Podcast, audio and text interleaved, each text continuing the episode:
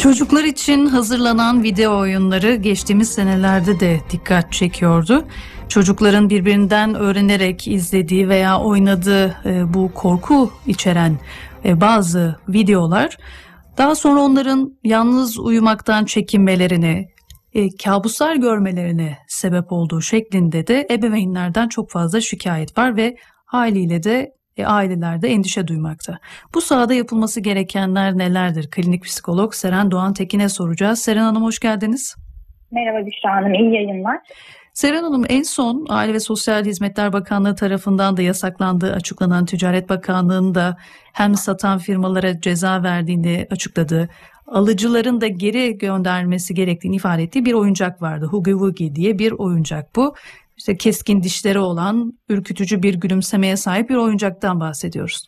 İkinci adımda bir oyuncak derken ki o uyandırdığı sevimlilikten çok da uzak bir nesne bugün bizim konumuz oluyor ama çocukları çok da fazla etkilemekte.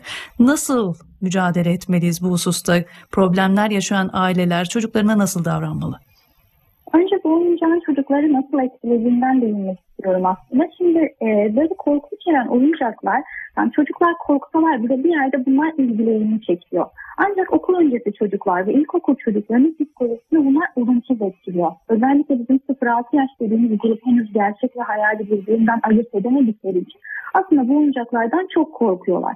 Ancak diğer ilgilerini çektikleri için de oynamaya, izlemeye devam ediyorlar. Tabii bu tarz oyuncaklar çocuklarda kaygı bozukluklarına, depresyona, ayrıca şiddete yatkınlığa sebep oluyor.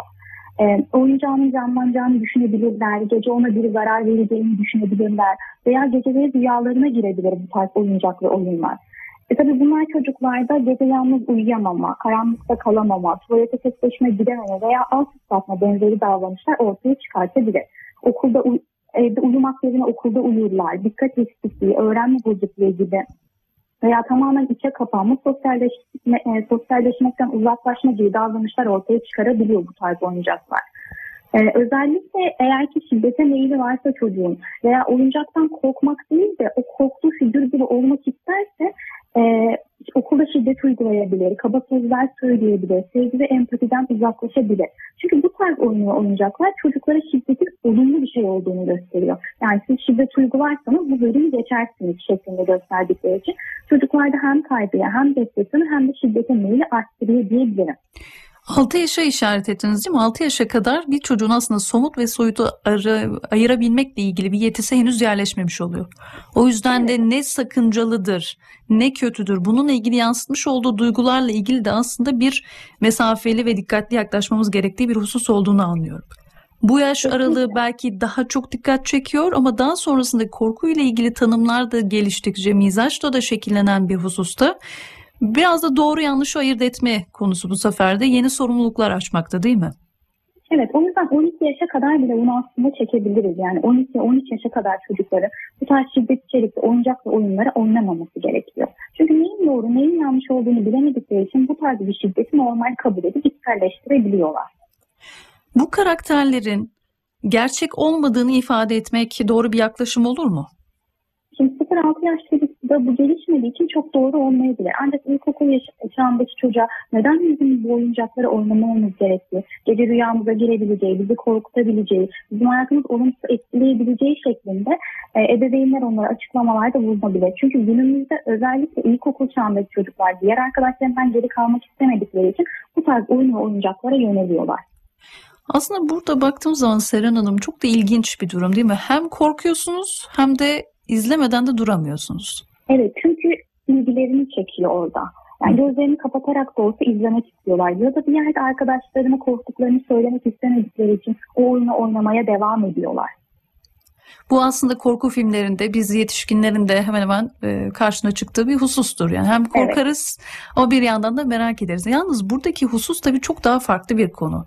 Yani şiddeti özendirmesi, siz ifade ettiğiniz o karaktere bürünmesi ve sanki biraz da çocuk e, sizi duymuyor da başka birini duyuyormuşçasına bir haldeymiş gibi bir hale bürünüyor. Bu çok enteresan. Özellikle bu yorumu yaparken de ailelerin paylaşmış oldukları bilgiler ışığında kullanıyorum bu tarz bir yorumu. Nasıl bu kadar yönelebiliyorlar diye. Bu çok fazla maruz kalmakla ilgili midir dersiniz? Böyle uzun süreli izlemek midir?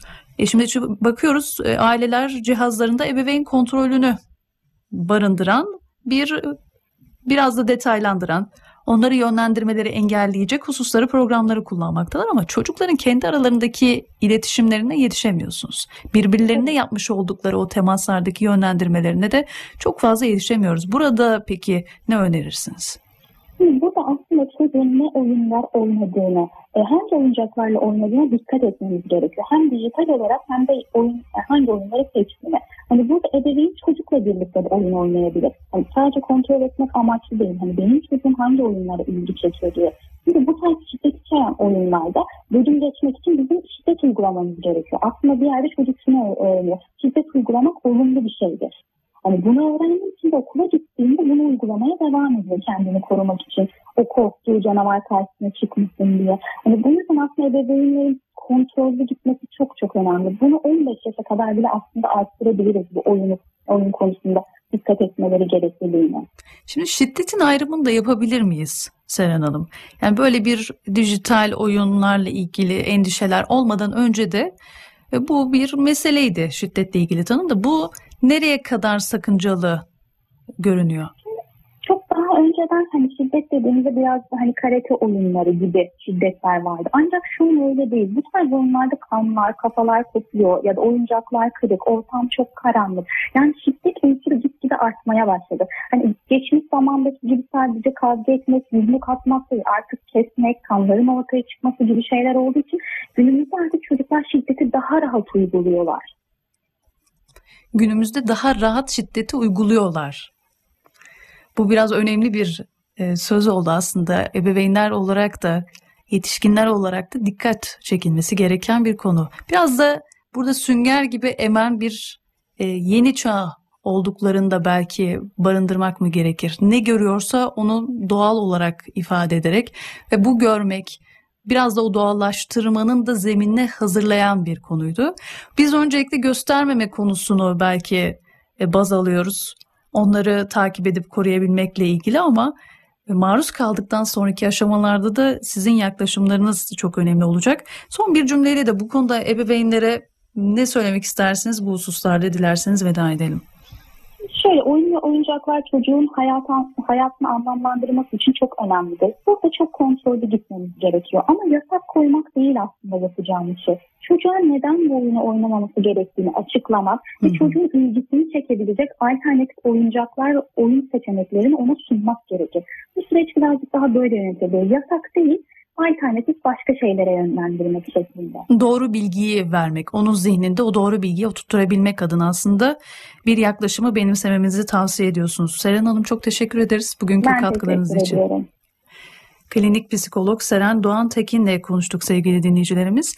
İster istemez çocuklarımızın üzerine bir proje mi tasarlanıyor diye de düşünmeden de edemiyoruz. Böyle bir oyuncakların, şiddet içerikli temaların hazırlanması, ve video olsun veya internet portallarında hazırlanan farklı içerikler, söylemler olsun. Sadece e, buradaki resimler dahi bazen yönlendirmelerde barındırabiliyor. Detaylı bir konu.